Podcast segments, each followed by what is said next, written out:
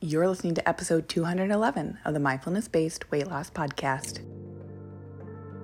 Welcome to the Mindfulness Based Weight Loss Podcast, the show for women like you who have tried restrictive diet after diet and are ready for simple, thoughtful solutions to help you sustainably lose weight for the last time from a place of abundance and peace. If you're looking to end the yo yo of comfort eating and rigid weight loss protocols and instead step into living your life mindfully on your terms while losing weight in the process, you're in the right place. Hey, party people, welcome to the show. I am just going to get right into the content of today's episode because this message has really hit me, and I thought it might be useful for you as we are in the summer season. And especially if you're someone who, I mean, this, I think this is going to apply to everyone, quite frankly. If you've ever just been someone that's been like, what's up with my food? Which I think is everyone who listens to this podcast, then I think this message is going to hit home for you. I have been, if you listen to last week's episode, you know that I've had COVID, and because my boyfriend hasn't gotten it, luckily, um, we've really have been isolating me, um, and we've been sticking to that. So I've been in our bedroom and once in a blue moon, you know, with a mask on, I might go downstairs to grab something or do something, but very much I am spending my days in our bedroom uh, to continue to isolate from him so that he doesn't get COVID. And because of that, I you know, I'm feeling great now, so I'm I'm back to working and I am back to working out and walking and doing all that from this room. But nevertheless, I have been on social media more. I've been reading more books. I've just have been chilling. And what has been striking me is this. The messages that are coming from maybe a helpful place around nutrition can still be packed full of fear mongering. So, what do I mean? I feel like in my scrolling of social media, you know, I see a lot of people defend, like, oh, if you if you're eating more than you want to be at night, those nighttime cravings are coming from you restricting your food earlier in the day. So eat more during the day and you won't eat as much at night, or messages, you know, these messages that I think are trying to push back on the very two dimensional diet culture rhetoric that a lot of us here or have engaged in. However, and this is not a new thought for me, and I know it's not a new thought for a lot of you, but there's nuance to this thought, which is what I'm bringing to today's episode, is the idea that the energy of pushing back can still be rooted in the same energy of what it's pushing back against.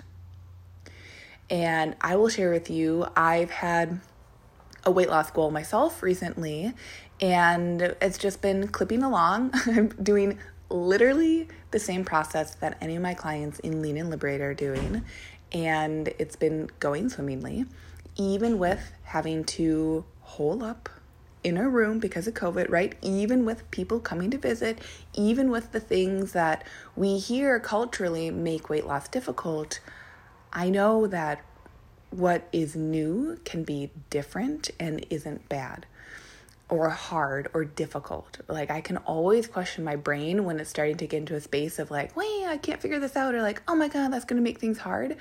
Those thoughts don't come around all that often anymore. And when they do, I can just honor that they come up. I experience them, right? I'm not pushing them aside. But I really, once I experience how they feel, they usually don't really leave me feeling the way I want to feel, which is why I question them. Is it actually more difficult to dot, dot, dot? And for the most part, no. What is quote unquote difficult is choosing to be aware of my thoughts, of saying, hey, I'm actually going to spend the quarter of a second here to question is that thought my truth or is it subjective? Like, what is actually objectively happening? So, in terms of weight loss and losing weight, our we have to be able to teach ourselves and learn oh here is how i lose weight when life is happening. Because of course i want a life that is full of people coming to visit of hosting people of being hosted by people of being out and about oot and a boot. And i want to be able to figure out how to have this happen when life is lifey in the ways that i would love for it to not be like getting covid like being isolated in a room and choosing to do that because that isolation is deeply aligned with my values. I don't want my boyfriend to be sick. I don't want to be spreading this. I don't want to pretend that just me going out on a walk outside and for the most part not passing by people doesn't mean that I might not accidentally have to walk past someone and who knows about, you know, transmission, etc. So, anyway, I've been on social media and I've been scrolling and I see messages around nutrition and food and food behaviors that, quite frankly, I find completely unhelpful. And so, by questioning the story, I don't just mean your story, right? We've chatted about that on the podcast before, just digging into like doing the thought work, right? As saying, like, oh, the immediate thought I think, like, do I want to offer myself the option to question that story. And once I do question it, is there a different story I'd like to practice, to teach myself, to try out, right? It's just allowing ourselves to look at our mental habits and saying, like, is that actually in my best interest to keep thinking that? Or is there something else that is believable that I know also can be true that I'd like to think? But this episode is really about noticing the stories that other people who are trying to, from a place of power or of authority, are trying to teach you or tell you about yourself and how you function in your world. Because guess what? The reason I brought up the fact that, like, I've been losing some weight is that, listen, you lose weight by eating the amount of calories that creates weight loss for you so you have some caloric awareness. I just decide what I eat and then I follow through on my plan and then I notice how that goes. and it's been going really well. but I will tell you, I am eating. So even though, like, I'm eating within a caloric deficit, right? Because that is what is creating a weight loss for me. I feel like I- am not going through my days desperate for food and then feeling huge urges at night to overeat in that compensatory way that is often described on social media. It's not more difficult to be in a caloric deficit than it is to be in a caloric surplus. Like all of these stories, I just, I hope this is making sense because all of the stories that people can put out very blithely or like can say, you know, it's just on the tip of their tongue or is super blase, like, oh, well, this will be hard and that'll be hard, or like, don't listen to conventional weight loss advice. Actually, you need to eat so much protein and you need to be, you know, like, there's all of the needs and the shoulds. Notice if those actually apply to you because they might not. Your weight loss might be very, very simple. It might actually create more love for yourself it might not be all that destructive. That's what I want you to be questioning this week.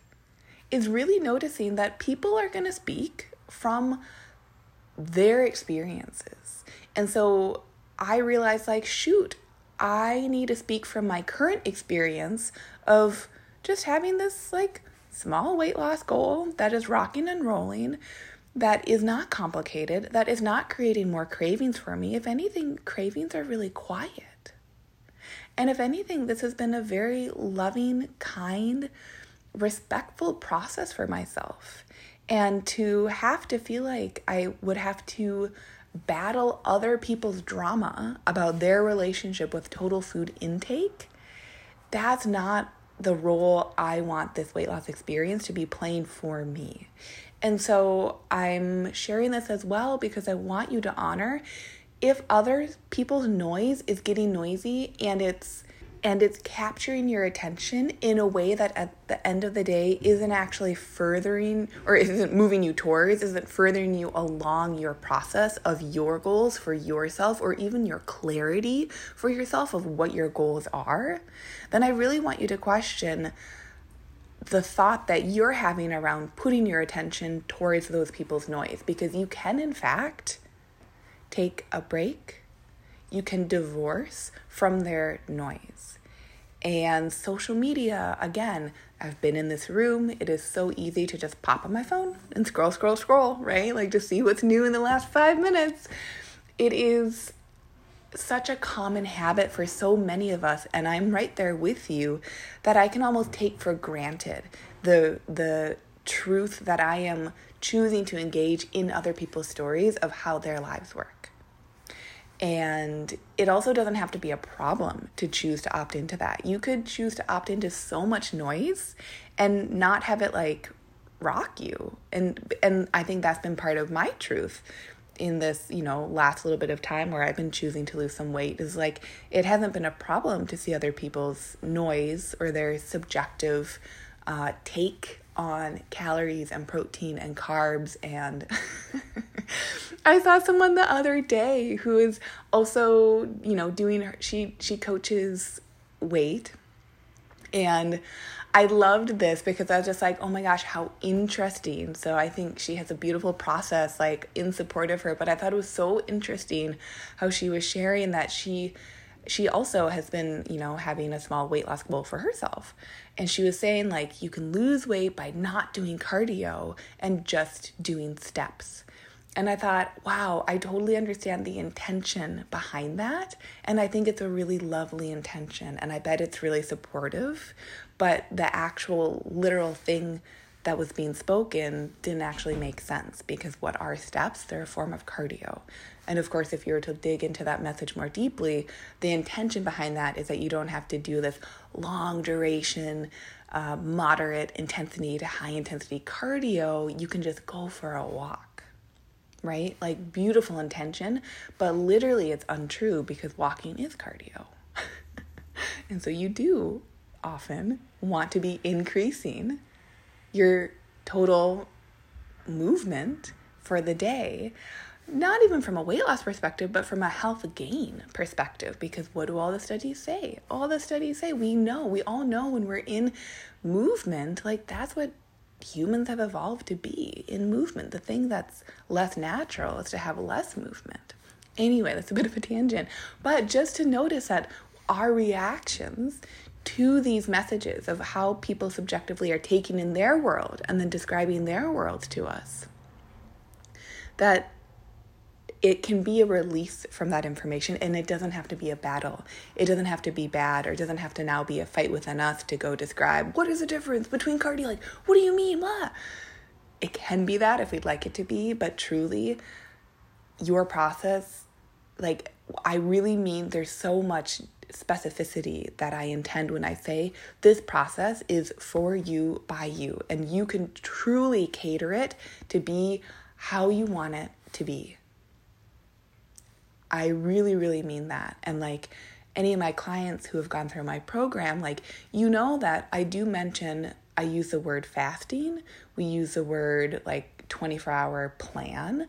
We use the words like talking about taking a break from sugar and flour but none of those are die hard. And when they're die hard, that's when the diet is created. But to not be able to have investigations into our relationships, well, what does it mean to fast? Fasting literally just means it's a time away from your food, right? All my clients learn in that course like you're fasting when you're sleeping. So, eh, we're all fasters already now that we know that, right? Now that we've managed any emotions that might come up around that, how would we like to be intentional with our time away from food, not just our time with food? Anyway, this episode it just came from my heart, especially as, again, as I've been doing my own weight loss process recently.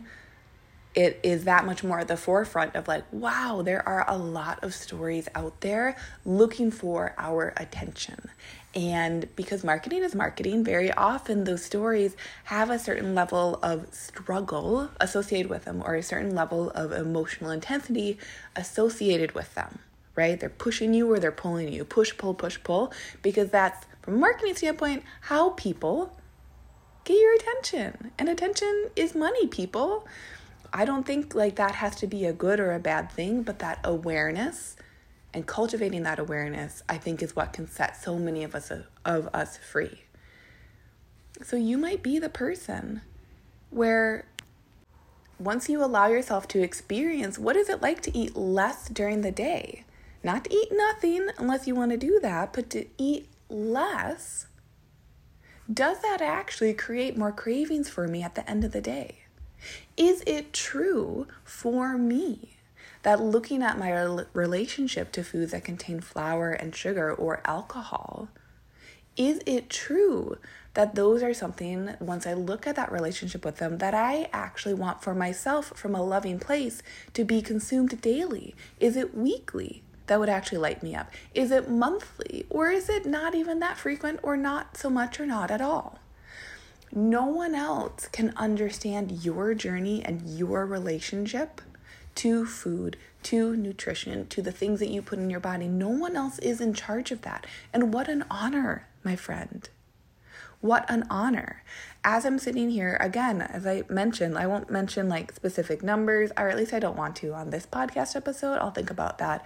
But as I've been like, you know, again, doing my gentle little weight loss process, I'm like, what an honor that I just get to choose for it to be so, so simple.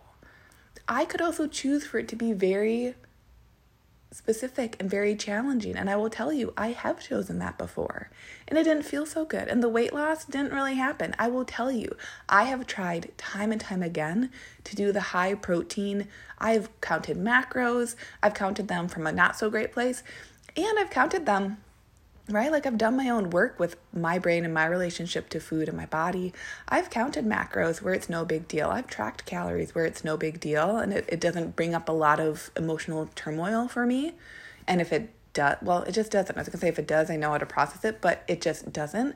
But the thing is, I get to hold the truth. And this is so wild because I know so many peers who coach eat high protein, let the carbs and fats take care of themselves, and just, you know, blah, blah, blah, blah, and like lift really heavy.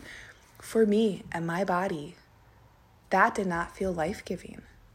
Eating 160, 175, 180 plus grams of protein a day led to a lot of hypermanagement of my food choices. It actually led to a story that my hunger needed to be suppressed, which wasn't really the case except when I was feeling so goddamn bloated that I didn't want to eat one more food.